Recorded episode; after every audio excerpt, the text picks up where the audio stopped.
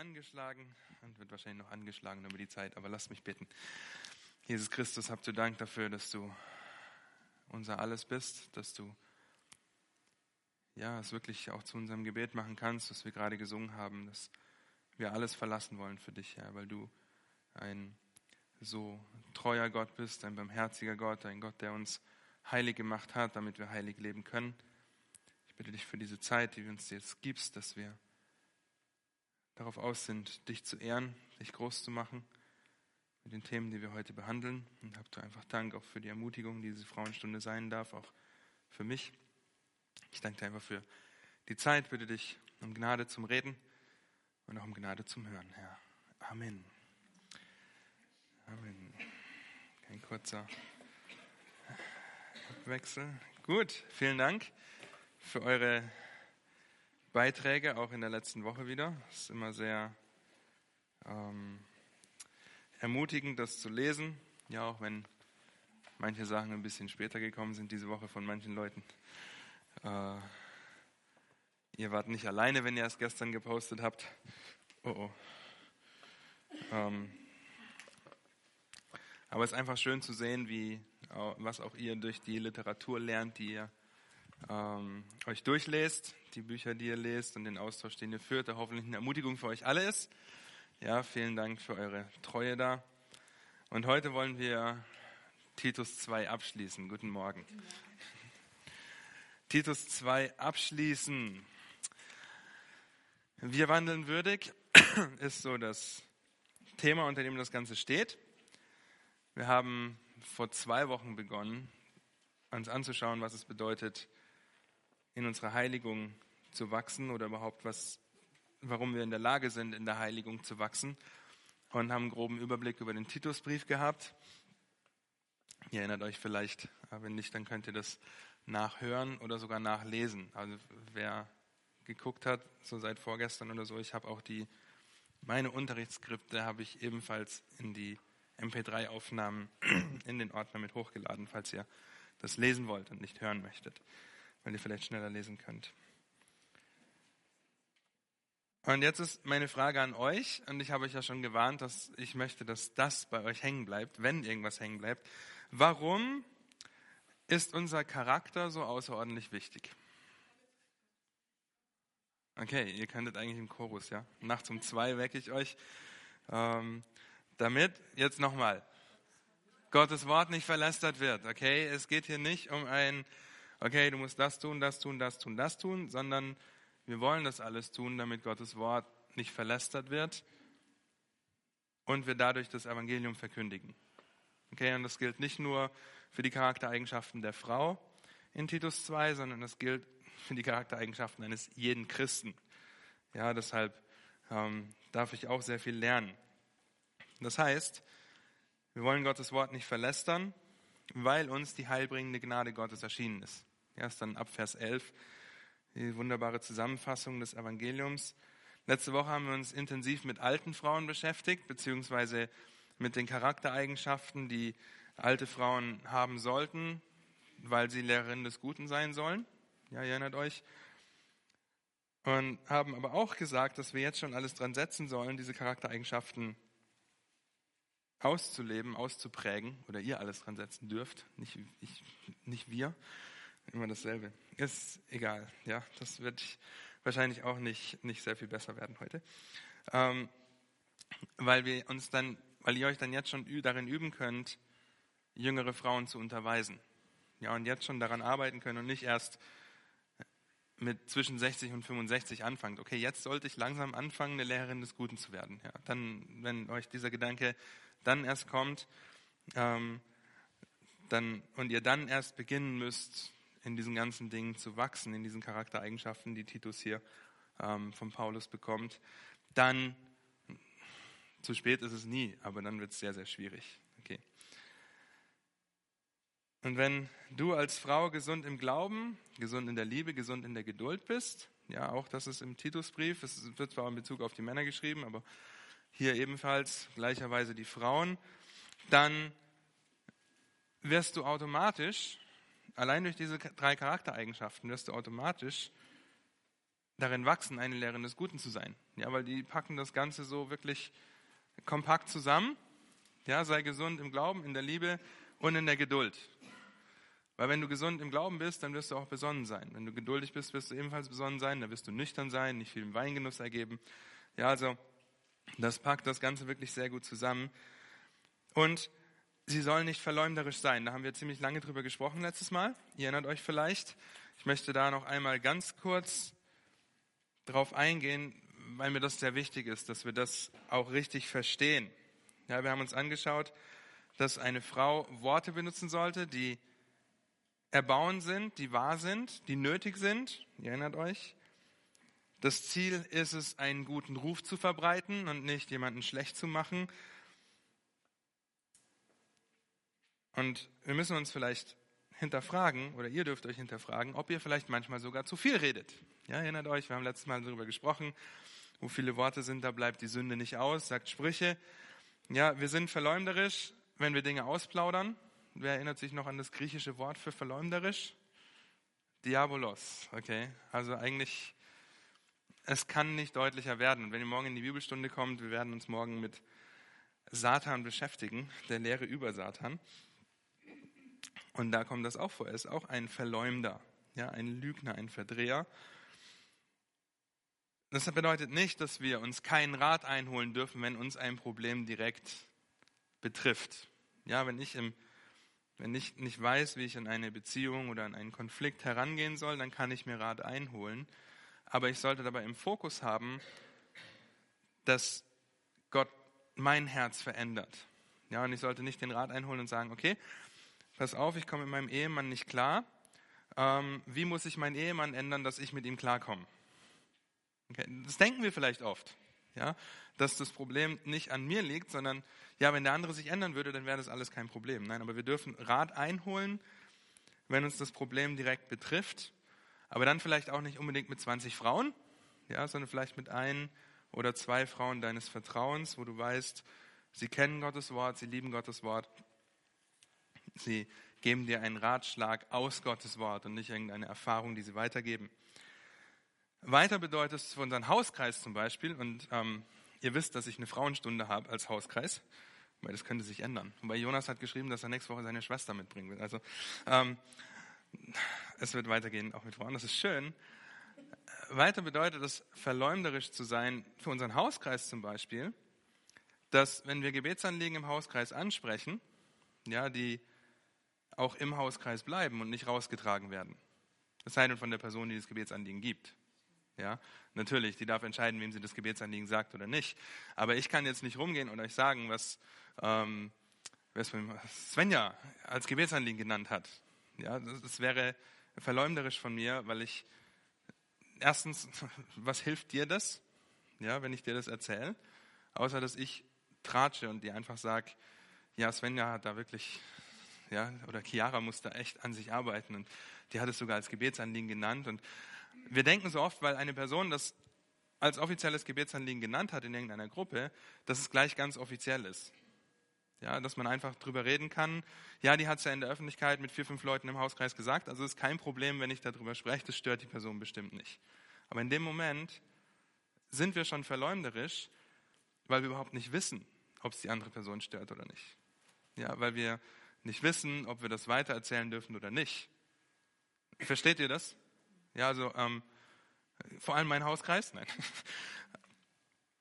Es geht wirklich darum, ähm, ein, eine Möglichkeit zu geben, zum Beispiel ein Gebetsanliegen weiterzugeben. Das muss nicht bei uns im Hauskreis sein, das kann unter zwei Frauen von euch kann das passieren. Ein Gebetsanliegen weiterzugeben in dem Wissen, dass dieses Gebetsanliegen nicht auf einmal irgendwo vorne an der Wand steht. Ja, ohne dass ich das genannt habe.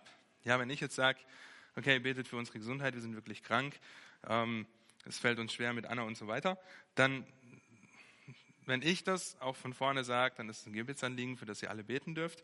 Aber wenn ich das jetzt Nora erzählt hätte, ja, gestern Abend, als ich sie nach Hause gefahren habe, oder Chiara, als ich sie nach Hause gefahren habe, und das dann rumgeht und, und ich dann irgendwo erfahre, ja, ähm, einfach weil es dann hintenrum gesprochen wird, ja, dann grenzt das schon oder ist das eigentlich schon Verleumdung, weil ich nicht vertrauenswürdig mit dem umgehe, was mir gesagt wird. Ja, das ist mir ganz wichtig, dass ihr das versteht, dass es nicht nur darum geht, okay, wir tauschen Gebetsanliegen aus, das können wir dann alles weitergeben, auch in der Öffentlichkeit, sondern dass das da schon anfängt, dass wir oder dass ihr als Frauen daran arbeiten möchtet und wollt,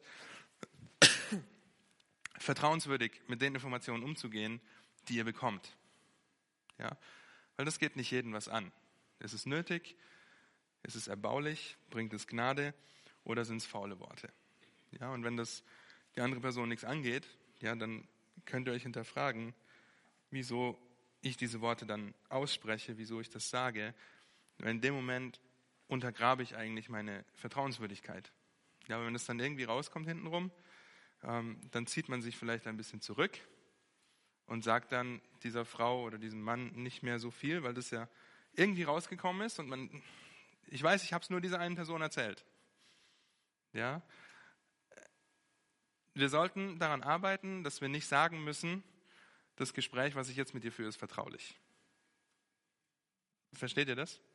Ja, also äh, das bedeutet, jedes Gespräch, das wir führen, unter zwei Augen, äh, unter vier Augen, ja, wenn ihr noch ein Auge habt, dann unter drei, egal, äh, unter vier Augen, auch unter sechs Augen bei uns im Hauskreis, ja, es sollte klar sein, dass das vertrauliche Informationen sind, ja, und dass ich mein, ähm, meine Zusage gebe, wenn es weitererzählt werden darf. Also andersrum. Ja, nicht davon ausgehen, dass ich es einfach weitererzählen kann, sondern davon ausgehen, dass es vertrauenswürdig ist und behandelt werden sollte.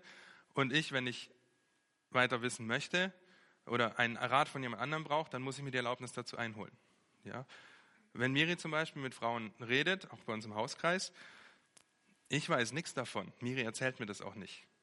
Ja, also wenn, äh, es sei denn, Miri möchte mich um Rat bitten, dann fragt sie aber auch, hey, ich müsst, müsste da mit Sam drüber sprechen, ist das okay? Ja, und so, das ist mir ganz wichtig, dass wir, oder dass ihr auch sehr stark daran arbeitet, nicht verleumderisch zu sein, eben damit wir Gottes Wort nicht verlästern. Also die Vertrauenswürdigkeit. Und heute werden wir weitergehen, uns mit den restlichen Charaktereigenschaften beschäftigen. Das ist besonnen zu sein, keusch zu sein, häuslich, gütig, sich ihren Männern unterzuordnen. Das Ziel haben wir schon mehr als ausreichend angeschaut, damit das Wort Gottes nicht verlästert wird. Aber bevor wir das tun, möchte ich euch einmal ganz kurz bitten, zu Psalm 37 zu gehen. Psalm 37, ein sehr ermutigender Psalm. Wir werden nicht den ganzen Psalm lesen, der ist etwas lang. Ich möchte euch ermutigen, den mal zu lesen. Er es geht darum, dass das, was ich sage oder das, was wir hier besprechen, dass das nicht meine Ideen sind oder meine Vorlieben, sondern dass das Gottes Wort ist und dass wenn wir sagen, dass es uns schwerfällt in manchen Bereichen, ja, oder sagen, ja, das kann auf mich ja gar nicht so zutreffen, dass wir nicht, dass ihr nicht mich anklagt im Endeffekt, sondern Gott. Okay? Psalm 37 wurde von David geschrieben, behandelt die Lust am Herrn und Spurgeon schreibt hierzu, Zitat, wir lesen gleich noch ein, zwei Verse, ich dachte immer, Religion bestand nur aus Selbstverleugnung. Ich träumte niemals, dass Gott zu lieben auch bedeutet, dass wir unser Verlangen ausüben können. Ich dachte, Gottesfurcht besteht aus Töten, Zerstören und Zurückhalten von unseren Begierden. Das Leben der meisten gläubigen Menschen besteht darin, vor der Sünde wegzulaufen, die sie so sehr lieben. Diese negative Art der Gottesfurcht ist so weit verbreitet. Zitat Ende. Und ich lese das Zitat gleich noch weiter. Aber die Frage ist, wie sieht es in deinem geistlichen Leben aus? Ist es mehr eine Misere nach der anderen, in der du einfach versuchst, vor der Sünde wegzulaufen? Oder ist es ein zu Gott hinlaufen? Ja, die Lust am Herrn zu haben. Das ist ein, ein großer Unterschied. Ich lese euch mal die ersten sieben Verse nach der Elberfelder Übersetzung. Da heißt es, Psalm 37 ab Vers 1, erzürne dich nicht über die Übeltäter, beneide nicht die, die Unrecht tun, denn wie das Gras werden sie schnell vergehen und wie das grüne Kraut verwelken. Vertraue auf den Herrn und tue Gutes, wohne in dem Land und weide dich an Treue und ergötze dich an dem Herrn. So wird er dir geben die Bitten deines Herzens. Befiehl dem Herrn deinen Weg und vertraue auf ihn, und er wird handeln. Und er wird deine Gerechtigkeit hervorkommen lassen wie das Licht und dein Recht wie den Mittag. Vertraue still dem Herrn und harre auf ihn. Erzürne dich nicht über den, dessen Weg gelingt, über den Mann, der böse Anschläge ausführt. Es geht nicht darum, das zu beneiden, was böse ist, weil wir das jetzt nicht mehr tun dürfen, in Anführungsstrichen, sondern auf den Herrn zu vertrauen. Vers 4, falls ihr das gesehen habt, sondern ergötze dich an dem Herrn. Die Schlachter übersetzt das mit habe deine Lust am Herrn, freue dich am Herrn. Ja. Was ist das Resultat? In Vers 4, was seht ihr? Wenn wir unsere Lust am Herrn haben, was ist dann? Was wird er uns geben? Was unser Herz begehrt. Interessant. Ja.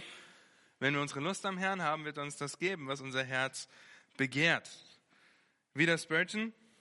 Meine Religion besteht aus Dingen, die ich zu tun liebe und daraus Dinge zu meiden, die ich hasse. Also er spricht gar nicht davon, ich muss vor der Sünde weglaufen, die ich so sehr liebe, sondern ich laufe vor der Sünde weg, die ich hasse und laufe hin zu dem, den ich liebe, nämlich Gott. Ja, ich fühle mich nicht gefangen in meiner Religion, denn ich bin frei und niemand kann freier sein. Denn derjenige, der Gott fürchtet und ganz sein Diener ist, ist nicht gefangen. Er kann leben, wie er will, denn er will leben, wie er soll. Er kann alle seine Herzenswünsche erfüllen, denn sie sind heilig, himmlisch und göttlich. Habt ihr das verstanden? Wenn ich meine Lust am Herrn habe, dann kann ich leben, wie ich will. Weil ich leben werde oder weil ich leben will, wie ich leben soll. Ja, weil ich meine Lust einzig und allein am Herrn habe. Aber natürlich ist hier der geistliche Kampf, der da immer mit reinspielt. Die Frage ist also, an wem hast du deine Lust? Und wie äußert sich das in deinem Leben, auch gerade wenn wir uns heute mit diesen Charaktereigenschaften, die so oft angegriffen werden, beschäftigen? Ja, das bedeutet, wir haben unsere Freude am Herrn, denn wenn wir unsere Freude am Herrn haben, dann werden wir uns schnellstmöglich, bereitwillig und auch fröhlich unter seine mächtige Hand demütigen. Okay, dann werden wir die Gemeinschaft mit Heiligen suchen, dann werden wir Gottes Wort lieben, dann werden wir uns im Gebet in die Abhängigkeit Gottes zu stellen, dann werden wir das glauben, was sein Wort sagt und werden aus Liebe im Gehorsam das tun, was wir tun sollen, weil wir unsere Lust am Herrn haben. Ja, und das ist eine Herausforderung gerade für euch Frauen in der heutigen Zeit. Ja, die Lust am Herrn zu haben. Und so kommen wir zu Titus 2. Ja, denn das sind Verse, die heute, und wir haben das letztes Mal kurz angeschaut, das sind wohl die meist angegriffenen Verse, wenn es um Frauenrechte geht. Ja, dann wird das immer zitiert. Sie soll häuslich sein, sie soll sich unterordnen. Heimchen am Herd, habt ihr vielleicht schon gehört. Ja, es ist einfach sehr traurig. Ich lese uns die Verse ab Vers 3, dass sich die alten Frauen gleicherweise so verhalten sollen, wie es Heiligen geziemt.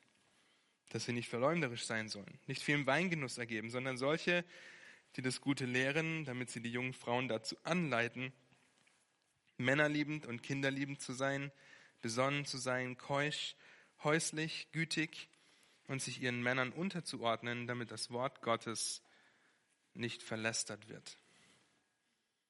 Was es bedeutet, Kinder und Männer lieben zu sein, haben wir uns letztes Mal angeschaut. Und heute wollen wir uns mit der Besonnenheit, im ersten Block ist nicht mehr lange hin, aber ihr müsst heute aushalten. Wir haben nämlich nicht noch einen Samstag. Ja, wir wollen uns heute mit Besonnenheit und Keuschheit auseinandersetzen, bevor wir später zu Häuslichkeit, Güte und Unterordnung kommen. Eine junge Frau soll besonnen sein. Das ist das Wort Sophron im Griechischen und es hat viele kleine Nuancen. Ja, es bedeutet unter anderem bei klarem Verstand sein, ohne Einbildung, zielgerichtet, angemessen, vernünftig, beherrscht und diszipliniert. Besonnen zu sein ist eine grundlegende Eigenschaft, die dazu führen wird, dass wir einen vernünftigen Wandel führen, einen besonnenen Wandel. Okay? Und das kann wieder, habt das im Hinterkopf, nur von Gott kommen, dass wir besonnen sind. Ein Kommentator sagt hierzu, Zitat, Besonnenheit ist die weise, vernünftige, sorgfältige Selbstkontrolle, die eine gewisse Stabilität und Disziplin abverlangt. Das bedeutet, du hast, wenn du Entscheidungen triffst, sehr sensibel alles im Blick, was das beeinflussen könnte. Ja, und hier erwischen wir uns vielleicht oft, dass wir dann oft nicht so besonnen sind. Ein bekannter Vers ist eine gute Definition der Beschreibung von Besonnenheit. Epheser 5, Vers 15, da heißt es, seht nun darauf, wie ihr mit Sorgfalt wandelt, nicht als Unweise, sondern als Weise. Es geht um den Wandel als Kind des Lichts. Wir haben den sorgfältigen, besonnenen Wandel. Denn dann werden wir die Zeit auskaufen das bedeutet, weise und würdig zu wandeln. Vorbilder der Besonnenheit sind zum Beispiel Jesus, Jakobus, Josef, Jethro, David, Abigail oder auch Paulus.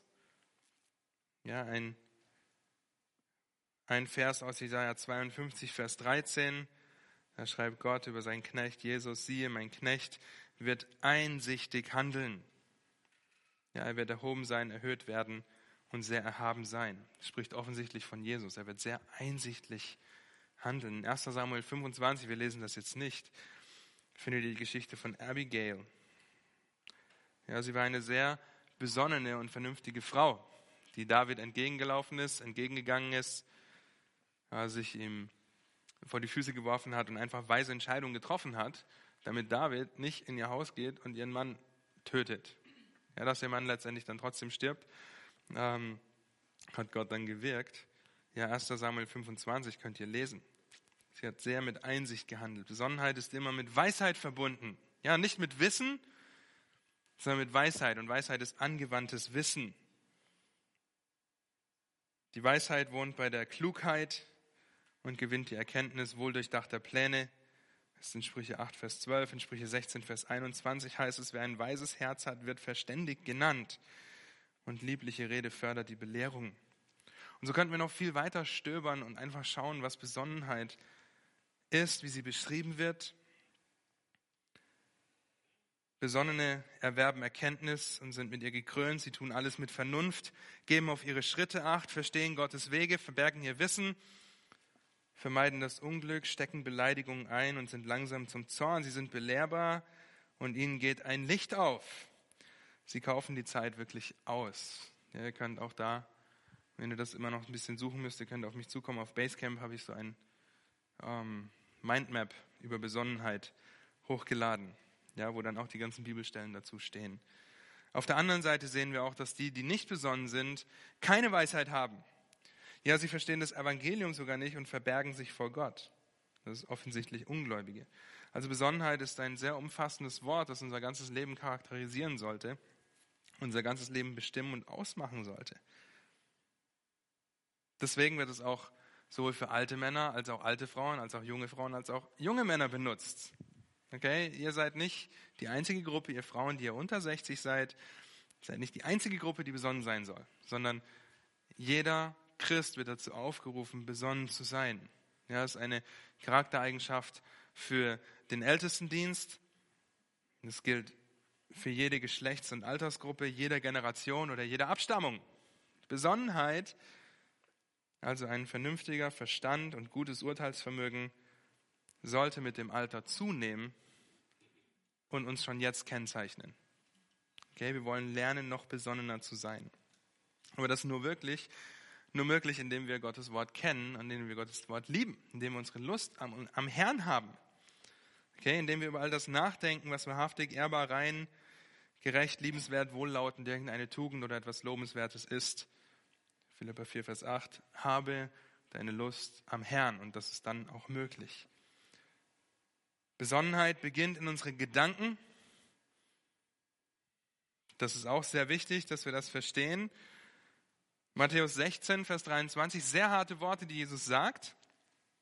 Er aber wandte sich um und sprach zu Petrus, Weiche von mir, Satan, du bist mir ein Ärgernis, denn du denkst nicht göttlich, sondern menschlich. Oder Römer 8, Vers 5. Denn diejenigen, die gemäß der Wesensart des Fleisches sind, trachten oder denken über das nach, was des Fleisches ist. Diejenigen aber, die gemäß der Wesensart des Geistes sind, denken über das nach, was des Geistes ist und trachten auch danach. Also Besonnenheit beginnt in unseren Gedanken. Und als Kind Gottes können wir darüber nachdenken, was des Geistes ist, weil er in uns wohnt, in uns wirkt und da auch Besonnenheit anfängt. Das heißt, wir streben danach, besonnen zu sein, weise Entscheidungen zu treffen, ein gutes Zeugnis für das Evangelium zu sein und es nicht zu untergraben. Wie fängt dein Tag an? Ja?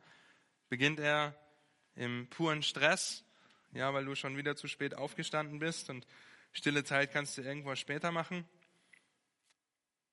Oder worum kreisen sich deine Gedanken als erstes, wenn du aufwachst? Sprichst du ein Gebet, ja, in dem du einfach für die Nacht dankst, indem du dafür dankst, dass ein neuer Tag beginnt, indem ich mich natürlich im Herrn freuen will, indem ich mir auch bewusst bin, dass ich es niemals ohne den Herrn schaffen werde, diesen Tag zu durchstehen, ja, ihm zur Ehre, geht nicht ohne ihn, weil er in uns alles wirkt. Ja? Wie setzt du Prioritäten, um Entscheidungen zu treffen? Oder auch, wer sind deine weisen Ratgeber? Wer sind die Frauen in deinem Leben, die deine Ratgeberinnen sind, weil sie Gottes Wort lieben? Ja, auch das gehört zur Besonnenheit, zu überlegen, wen möchte ich als Ratgeber haben. Ich möchte euch drei Bereiche geben, in denen ihr lernen könnt, besonnen zu sein. Die kommen auch wieder aus dem Buch Lehrerin des Guten. Der erste Bereich ist, biblische Prioritäten zu setzen. Achte als Frau darauf, dass es nicht darum geht, dass du deinen Willen bekommst. Bete nicht, mein Reich komme, mein Wille geschehe. Und wehe denen, die mein Reich nicht bauen und meinen Willen nicht tun. Ja, mach nicht den Wunsch nach einem Mann, nach einem Kind, nach einem Haus, nach Geld, Anerkennung, Karriere, Beziehungen zu dem Maßstab aller Dinge, die du unbedingt haben musst, um glücklich zu sein. Ja, ihr könnt, ihr wisst, was ihr in die Lücke füllt. Ja, wo ihr denkt, wenn das in meinem Leben so wäre, dann könnte ich wirklich glücklich sein. Das ist Quatsch. Okay?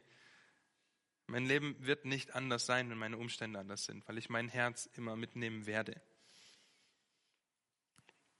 Besonders als Mütter müsst ihr euch genau und gut überlegen, wie ihr die Zeitweise auskauft und eure Kinder in der Zucht und der Mahnung des Herrn erzieht. Natürlich hat der Mann letztendlich die Verantwortung dafür, aber die meiste Zeit mit den Kindern verbringt ihr zu Hause.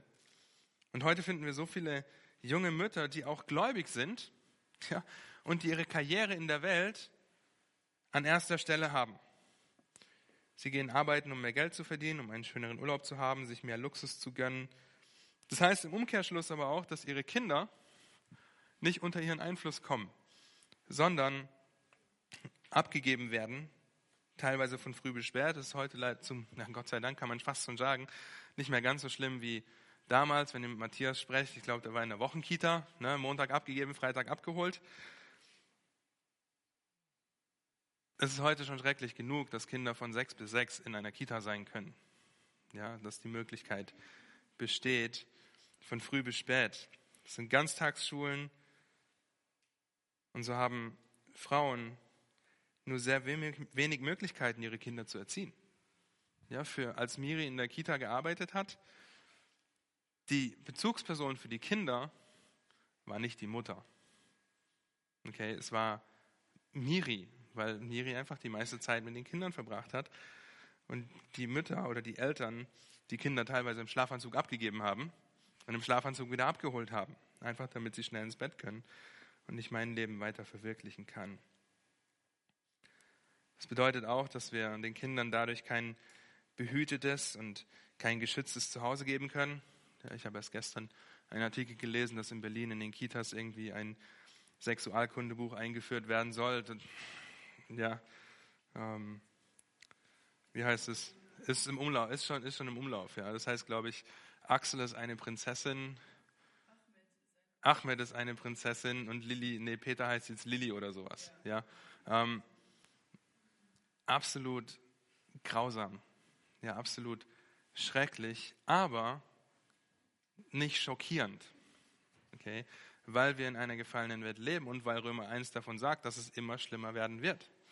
Ja, es sollte uns nicht schockieren, aber es sollte uns dazu anspornen, alles daran zu setzen, unsere Kinder zu Hause zu haben, dass sie so spät wie möglich unter diesen Einfluss kommen. Ja, unter das, was sie in Kitas oder Schule hören würden. Setze also biblische Prioritäten. Wir kommen gleich noch dazu, wenn wir über Häuslichkeit sprechen. Ich weiß ja auch, dass wir in einer gefallenen Welt leben. Okay, ich weiß, dass es tausend verschiedene Situationen gibt, wo man als Frau vielleicht sogar arbeiten gehen muss. Ja, ob man verheiratet, wenn man verheiratet ist und auch Kinder hat, dass man außer Haus arbeiten gehen muss. Als alleinstehende Frauen müsste das auch tun. Ja, es gibt so viele verschiedene Situationen und wir können die gar nicht alle durchsprechen, aber ich möchte euch das biblische Vorbild geben und wenn möglich wollen wir alles daran setzen, danach zu streben und danach zu trachten, würdig zu wandeln, okay, damit das Wort Gottes nicht verlästert wird. Also biblische Prioritäten setzen und zweitens lerne richtig mit dem Budget klarzukommen. Geld, okay. Habt ihr ein Budget? Das ist eine Frage. Ja, wenn nicht, wisst ihr, welches Geld wohin fließt, das ihr habt? Wenn nicht, würde ich euch wirklich sehr ermutigen, euch das mal zu überlegen. Vielleicht eine andere Frau oder Familie, von der ihr wisst, dass sie sich ein Budget festgelegt haben, die vielleicht mal um Rat fragen, damit ihr lernen könnt, mit dem Geld, das ihr habt, weise umzugehen. Okay? Auch wenn du noch nicht verheiratet bist. Ganz besonders. Weil wenn du verheiratet bist, ja, und du die Möglichkeit hast, zu Hause zu sein, dann ist dein einer Euro nur noch 50 Cent wert. Okay? Und wenn dann Kinder dazukommen, dann ist der Euro, den der Mann verdient, für dich auf einmal nur noch 10 Cent wert. Ja? Und deshalb ist es so wichtig, zu lernen, richtig mit dem Geld umzugehen. Ja? Das heißt, stell dir die Frage, weiß ich denn, wo mein Geld jeden Monat hinfließt? Was sagt mein Kontoauszug? Weiß ich das, wie viel Geld ich für Essen ausgebe im Monat? Weiß ich, wie viel Geld ich für Handyrechnungen ausgebe im Monat? Ja, heutzutage sind es alles Flatrates, da ist es relativ überschaubar. Ja, Martha Peace schreibt hierzu in ihrem Buch, Zitat, einer der wichtigsten Einflüsse, den eine ältere Frau auf die Jüngeren ausüben kann, besteht darin, ihr zu helfen, dankbar und zufrieden zu sein, statt zu murren und sich ständig zu beklagen. Wenn ihr nicht wisst, wie ihr mit eurem Geld umgehen sollt, dann werdet ihr unzufrieden werden darüber, weil es nie genug ist. Wir haben nie genug Geld. Ja? Wir leben in einer Gesellschaft, die uns vorgaukelt, wenn du nur genug verdienst, dann geht es dir auch gut. Ja? Aber wir müssen lernen, zufrieden mit dem zu sein, unsere Lust am Herrn zu haben. Okay, deswegen ist Psalm 37 so eine wichtige Grundlage. Lernt zufrieden mit dem zu sein, was Gott euch anvertraut hat. Und das bedeutet, euren Standard auch ein bisschen runterzuschrauben. Ja, zu sagen, okay, sich mit deinem Mann hinzusetzen und mal durchzurechnen, wäre es denn möglich, dass ich nicht arbeiten gehe? Ja, oder meine Arbeit so reduziere, ähm, dass ich mehr Zeit zu Hause habe, dann kann das bedeuten, dass der Standard runtergeschraubt wird, um darin zu lernen, besonnen zu sein und auch dem Haus gut vorzustehen. Und zu guter Letzt, schaue der Realität ins Auge. Ja, und das trifft euch auf euch Frauen wahrscheinlich mehr zu als auf uns Männer. Baut euch kein Fantasieschloss auf. Das geht so schnell. Ja, ähm, sondern blicke der Realität ins Auge. Besonnen und vernünftig zu sein bedeutet, dass man der Realität ins Auge sieht und die Hoffnung ganz auf Gott setzt und nicht auf was wäre wenn. Ja, oder wenn doch nur dann. Richte deine Gedanken nicht auf ein idealisiertes Fantasiebild deines zukünftigen Ehepartners, den du vielleicht irgendwann hast, oder auf dein Fantasiebild der perfekten Familie oder Ehe oder deine Kinder, die du auch noch nicht hast. Das heißt auch, gebe dich nicht den Sorgen hin.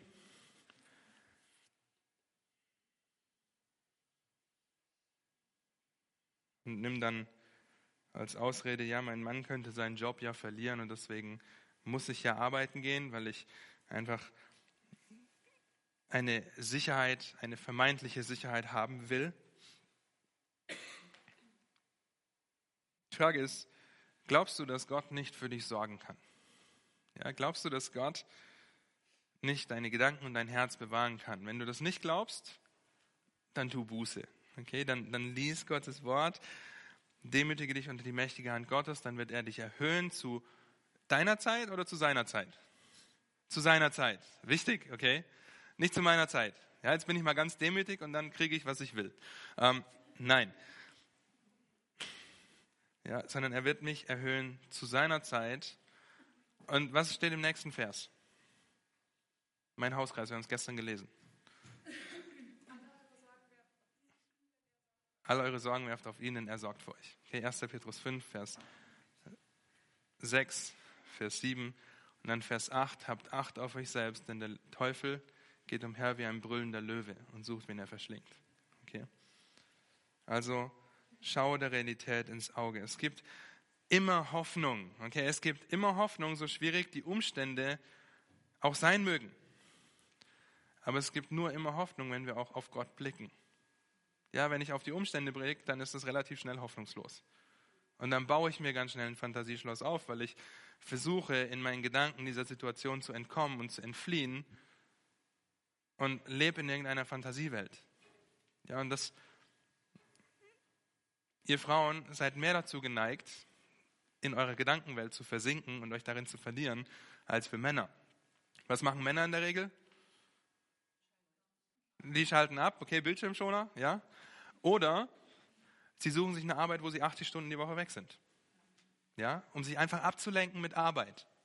Ja, aber Frauen, ihr, die Gefahr für Frauen besteht mehr darin, sich in der Gedankenwelt, in der Fantasiewelt zu verlieren. Okay, zu denken, okay, ja, wenn jetzt mein Mann so wäre wie der Mann, dann hätte ich eine tolle Ehe. Wenn, ja, wir verlieren uns, oder ihr verliert, es fällt euch leichter, euch in der Fantasiewelt zu verlieren, als es für einen Mann fällt. Ein Mann kann wirklich an nichts denken. Das geht. Okay? Also wenn euer Mann mal sagt, wenn ihr ihn fragt, was denkst du gerade, weil er dich anguckt wie ein U-Boot, und er dir sagt, ich denke an nichts, dann glaub ihm das. Es geht. Okay? Es geht. Und wenn ein Mann dich fragt, was denkst du gerade, dann versuche nur fünf der Gedanken weiterzugeben von den 50, die du gerade denkst. Okay? Wir sind unterschiedlich gestrickt und das ist gut so. Ja, das ist gut so. Kommen wir auch gleich noch dazu, wenn es um Unterordnung geht, um die Rollenverteilung. Das ist gut so, dass Gott uns so gemacht hat. Aber wir müssen trotzdem auf der Hut sein, dass wir in den Bereichen auch an uns arbeiten, besonnen zu sein.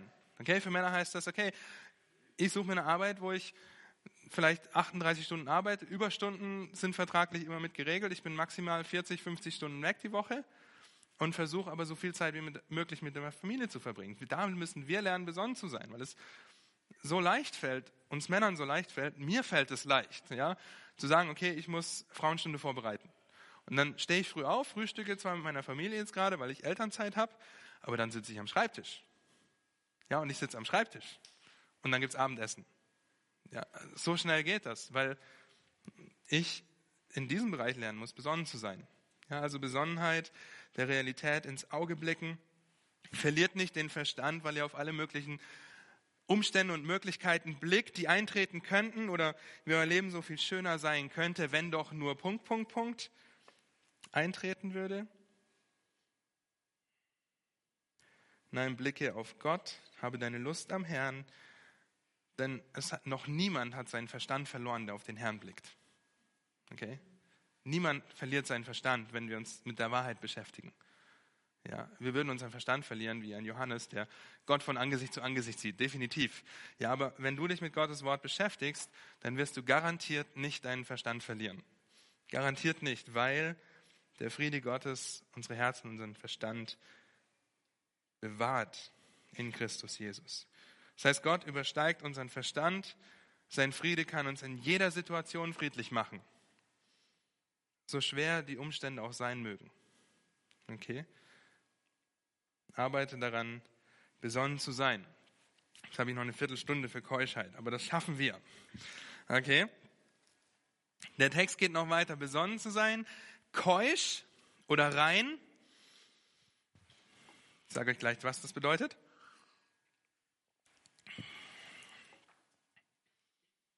Es bedeutet, in Gedanken rein zu sein. Ja, weil es, was im Herzen ist, das kommt raus. Es bedeutet in diesem Kontext aber auch die sexuelle Reinheit. Ja, also die Treue in der Ehe und die Reinheit vor der Ehe. In 1. Timotheus 2, Vers 9 bis 10 werden alle Frauen angesprochen. Ebenso will ich auch, schreibt Paulus da, dass sich die Frauen in ehrbarem Anstand mit Schamhaftigkeit und Zucht schmücken, nicht mit Haarflechten oder Gold oder Perlen oder aufwendiger Kleidung, sondern durch gute Werke, wie es sich für Frauen geziemt, die sich zur Gottesfurcht bekennen. Das Wörtchen hier für gesunder oder ehrbarer Anstand bezieht sich auf eine gesunde Wahrnehmung von Scham. Okay, nämlich der Scham, davor etwas zu sagen oder zu tun oder sich so zu kleiden, dass es einen Mann zur Lust verführen könnte. Ja? Und wir wissen das alle, dass das nicht nur, ja, nicht nur durch die Kleidung geht. Wir können genauso gut flirten. Ja, wir können genauso gut irgendwelche Taten sprechen lassen, die nicht mit einer gesunden Wahrnehmung von Scham verbunden sind. Schamhaftigkeit das nächste Wort in diesem Text, bezieht sich dann darauf, seine Tugendhaftigkeit zu bewahren. Was bedeutet das?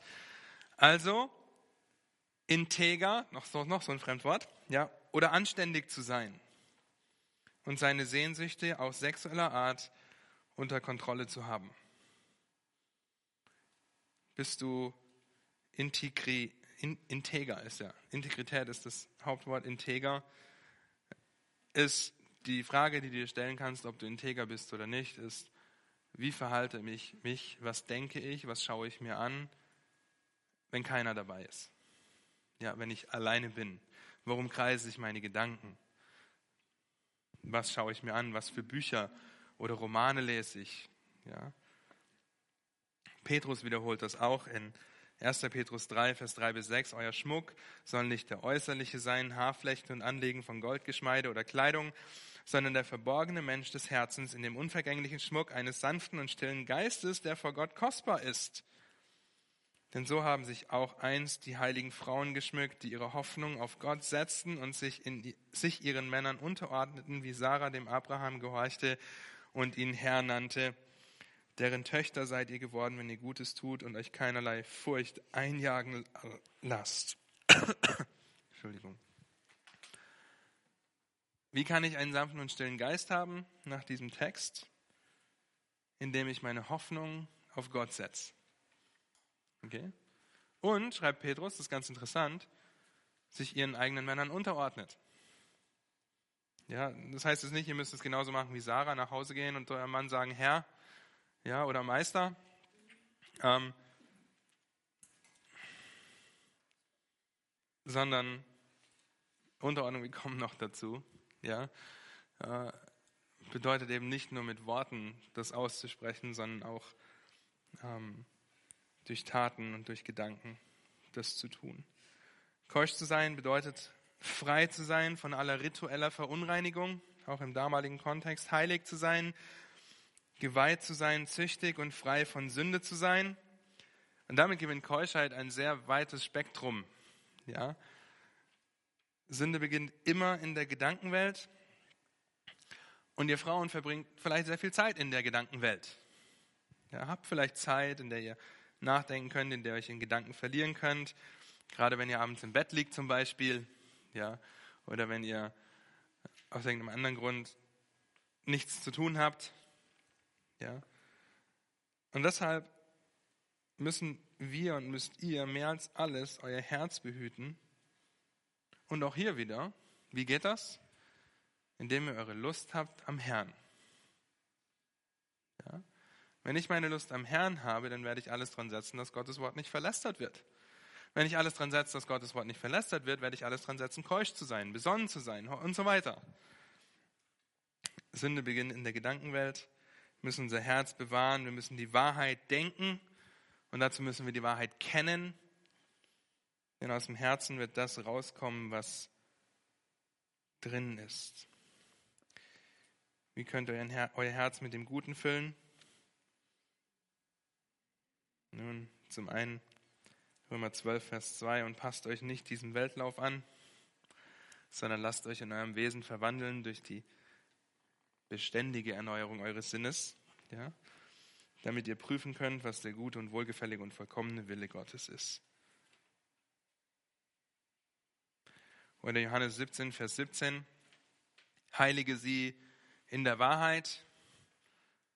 Und dann steht da auch gleich noch dran, wie wir geheiligt werden können in der Wahrheit, denn dein Wort ist Wahrheit. Aber wie könnt ihr es anwenden, keusch zu sein, rein zu sein? Ja, wie könnt ihr das anwenden? Wenn das, was in eurem Herzen ist, rauskommt, wenn ihr handelt, dann müssen wir auch hier nicht auf irgendwelche ähm, Regeln pochen, sondern auf das Herz abzielen. Ja, und das bedeutet in der Frage deine Motivation. Und hier kommt ein Punkt, ich habe lange überlegt, wie, wie, ich das, wie ich euch das nahe bringe und wie ich euch das schreibe, weil ich muss mit euch über Kleidung reden. Okay, es bleibt mir nichts anderes übrig, wenn es hier um Keuschheit geht. Hinterfrag vor allem deine Motivation, wenn du dir Klamotten kaufst, Kleider kaufst. Was ist der Hintergrund, dass du das kaufst? Weil die Mode das gerade für in hält und ja, es sieht schön aus, weil es mir so gut gefällt und weil die Mode so toll ist, aber deine Motivation sollte sein, zur Ehre Gottes und aus Liebe zu den Männern. Okay? Nicht aus Liebe zu deinem eigenen Mann. Wenn du nicht verheiratet bist, stelle ich das nicht frei, einfach zu kaufen, was du willst und rumzulaufen. Das Männer Schwierigkeiten haben in ihrer Reinheit. Ja, gerade was Kleidung angeht, sind Männer so angreifbar. Ja, und ich rede als Mann zu euch. Ja, das heißt, ich, ich, hab, ich erfahre das. Ich merke das, was das für ein Kampf ist. Ja, wir Männer, wir sind visuell fixiert. Frauen sind eher, okay, ich möchte umworben werden, ich möchte, dass man mir die Tür aufhält, mir in die Jacke hilft, ich möchte, dass man schmeichelnde Worte mit mir redet. Und wir Männer, wir sind sehr visuell, wir sind sehr unsere Augen. Ja, gerade was Kleidung angeht, sind Männer sehr angreifbar, was ihre Reinheit angeht. Und auch wir Männer sollen uns keusch verhalten, rein sein. Ja, ich weiß, dass die Welt uns heutzutage zeigen will, was scheinbar hübsch ist, was scheinbar jede Frau haben muss, um begehrt zu werden. Und wenn ihr Kleidung kauft, dann könnt ihr, wenn eure Motivation ist, Gott die Ehre zu geben und die Männer zu lieben, also in der nächsten Liebe zu wachsen, wahrscheinlich nur, wenn überhaupt, 20 bis 30 Prozent dessen kaufen, was auf dem Markt ist. Wenn überhaupt, okay? Das ist, das ist schon eine hochgegriffene Zahl. Ja? Als Mann möchte ich euch etwas helfen, dass ihr uns Männern helfen könnt. Ja? Ich werde jetzt nicht mit dem Zollstock kommen, jeden Sonntag, und schauen, sondern ich möchte euch kurze Prinzipien geben. Eigentlich nur zwei, über die ihr nachdenken könnt. Okay? Mehr ist es gar nicht. Es sind zwei Prinzipien. Erstens, achte bei deiner Kleidung darauf, dass sie nicht zu kurz, zu eng, zu weit oder zu durchsichtig ist. Ja? Der einen pa Frau passt der Rock vielleicht. Ja, die andere Frau ist einen halben Meter größer. Na gut, dann müsste meine Frau der Maßstab sein. Ähm, die andere Frau ist größer. Auf einmal ist der Rock vielleicht zu kurz. Prüft das bitte. Okay? Prüft das bitte. Es kann bei jeder Frau anders aussehen, aber nicht zu weit, nicht zu eng, nicht zu kurz und nicht zu durchsichtig.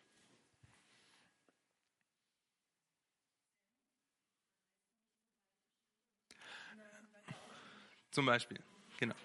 Ja? Nicht zu schlabberig, wie kann man das noch sagen? Ich weiß es nicht. Ja, nicht zu, also. Äh, richtig, genau. Also, ähm, ich mache weiter, okay, weil ich komme gleich noch dazu, wie ihr auch euch da gegenseitig zur Rechenschaft ziehen könnt. Ähm, weil hier dasselbe, okay, ich könnte euch jetzt sagen, was für mich eine Anfechtung ist. Aber dann könnte hier ein anderer Mann stehen und der könnte sagen, oh, für mich ist eine Anfechtung, wenn eine Frau einfach nur im Kartoffelsack vor mir steht. Okay? Das heißt, es gibt nicht den Weg, ja, ähm, es allen Männern recht zu machen. Das geht gar nicht. Okay, aber achtet darauf, nicht zu lang, nicht zu weit, nicht zu kurz und nicht zu durchsichtig. Und zweitens, achte bei deiner Kleidung auf den Übergang zwischen Körper und Kleidung und Kleidungsstück und Kleidungsstück. Okay? Ja, ihr, ihr denkt jetzt, äh, ihr Männer seid doch alle krank, okay? Aber denkt daran, ja, das ist das, was die Blicke der Männer auf sich zieht. Der Übergang vom Kleidung zum Körperteil, ja, der Übergang vom Kleidungsstück zum Kleidungsstück, weil man könnte ja was sehen. Okay? Wir Männer, wir sind so krank, okay? Deswegen brauchen wir die Vergebung genauso. Deswegen brauchen wir Christus jeden Tag genauso. Und auch krank in euren Augen. Ja, wir sind da so verdorben, wie ihr in anderen Bereichen seid, okay? Wir müssen da alle wachsen, dass wir uns gegenseitig helfen, rein und keusch zu sein, damit wir auch als Gemeinde Gott anbeten können. Ja, es sollte nicht euer Anliegen sein, okay, ich möchte mich auftakeln in der Gemeinde, um möglichst viele Blicke auf mich zu ziehen, weil das wird die Männer davon abhalten, Gott anzubeten, weil sie die ganze Zeit mit ihrer Reinheit kämpfen müssen. Okay? Ich möchte euch wirklich ermutigen, ihr dürft euch attraktiv kleiden, aber nicht als Attraktion. Ja, und es sollte auch deine Motivation sein, das zu verhindern, aus Liebe zu Gott und aus Liebe zu den Männern. Okay, Lois Green, die meisten von euch kennen sie noch, hat einmal gesagt, meine Frau hat mir das gesteckt und hat gesagt, ja, das stimmt und das ist so schwierig. Im Sommer müssen wir den Männern zuliebe schwitzen. Okay? Hat Lois Green gesagt, nicht ich. Ja? Aber dieser Satz drückt aus, dass das auch nichts Einfaches ist. Okay? Dass das eine willentliche Entscheidung ist, die mit mit Schweißtreiben verbunden ist, ja, wortwörtlich. Aber aus Liebe zu den Männern müssen wir Frauen schwitzen. Sagt Lois Green, sag jetzt nicht ich zu euch, okay? Aber hinterfragt euch und seid euch bewusst, dass das ein Kampf ist. Ja? Weil Männer möchten gerne erobern, möchten gerne Initiative ergreifen und Frauen möchten gerne erobert werden. Das heißt, und da könnt ihr euch die Welt anschauen, ja? Kürzer oder weiter, je durchsichtiger, desto besser.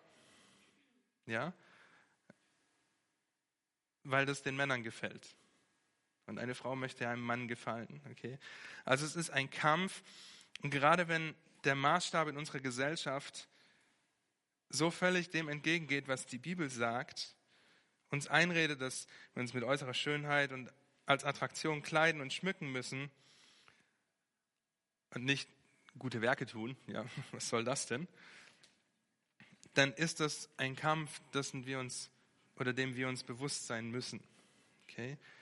Und wenn du dir nicht sicher bist, was deine Kleidung angeht, dann geh nicht auf einen Mann zu und frag ihn. Kann nicht so rumlaufen. Wenn du verheiratet bist, frag deinen Mann, ja. Sondern dann hol dir idealerweise einen Rat von einer verheirateten Frau ein. Okay, eine Frau, die verheiratet ist, die wird mit ihrem Mann darüber reden, wenn ihr Mann auch ein, ein, ein guter Leiter ist und ihr auch dabei hilft, ja, sich ähm, keusch zu verhalten, dann kann sie dir dabei helfen, eben eine Auswahl auch an Kleidung zu treffen. Ja? Denn es gibt bestimmt viele Ratgeber und Tipps, was für Klamotten und wie lang und wie kurz und überhaupt. Aber das ist nicht Sinn und Zweck der Sache. Ja, dann würden wir ganz schnell zur Gesetzlichkeit neigen. Weil wir einfach sagen würden, okay, ähm, wir haben festgelegt, ein Rock geht bis zum Knöchel. Ja, und wehe, dein Rock geht drei Zentimeter über den Knöchel, da musst du raus und dich umziehen. Okay. Nein, bitte versteht das nicht so. Ja, eure Motivation sollte es sein, euch reinzuhalten und es den Männern zu ermöglichen, rein zu sein, aus Liebe zu Gott und aus Liebe zu den Männern. Ich hoffe, ihr habt das verstanden. Gott hat uns so wunderbar gemacht. Frauen wollen eigentlich die Leitung eines Mannes haben, haben. Männer wollen eigentlich leiten. Ja? Dann lasst uns darauf acht geben, dass die Motivation nicht die falsche ist, wenn es darum geht, wie ihr euch schmückt. Denn wenn ihr innerlich rein seid, dann wird sich das auch äußerlich zeigen. Okay, das ist ganz wichtig. Wenn ihr euch innerlich reinhaltet, in Gedanken, ja, in den Absichten, warum ihr jetzt was tut, das prüft, damit das Wort Gottes nicht verlästert wird, dann wird sich das äußerlich zeigen. Okay? Für manche von euch Frauen ist das jetzt vielleicht schockierend, was ich gerade gesagt habe. Äh, auch wenn ihr nicht verheiratet seid, dann vielleicht besonders. Aber seid euch dessen bewusst, okay, dass Männer ein bisschen anders ticken als Frauen. Ein bisschen sehr viel anders ticken als Frauen. Okay? In diesem Sinne, lasst mich beten und dann machen wir eine kurze Pause, wirklich nur fünf Minuten, bevor wir dann weitermachen. Herr, du Dank dafür, dass du uns allen helfen kannst, besonnen zu sein, gute Entscheidungen zu treffen, die dich ehren, die vernünftig sind, die das Wohl des anderen auch im Blick haben. Hilf du uns aber auch vor allem, dass wir uns reinhalten, dass wir keusch sind im Wort, im Wandel, indem wir uns kleiden oder auch verhalten. Herr, schenk du Gnade, dass wir darauf bedacht sind, ob Männer oder Frauen, dass wir uns reinhalten, dir zur Ehre und dass wir uns rein verhalten, unserem Nächsten, dem anderen Geschlecht zuliebe, Herr. Amen.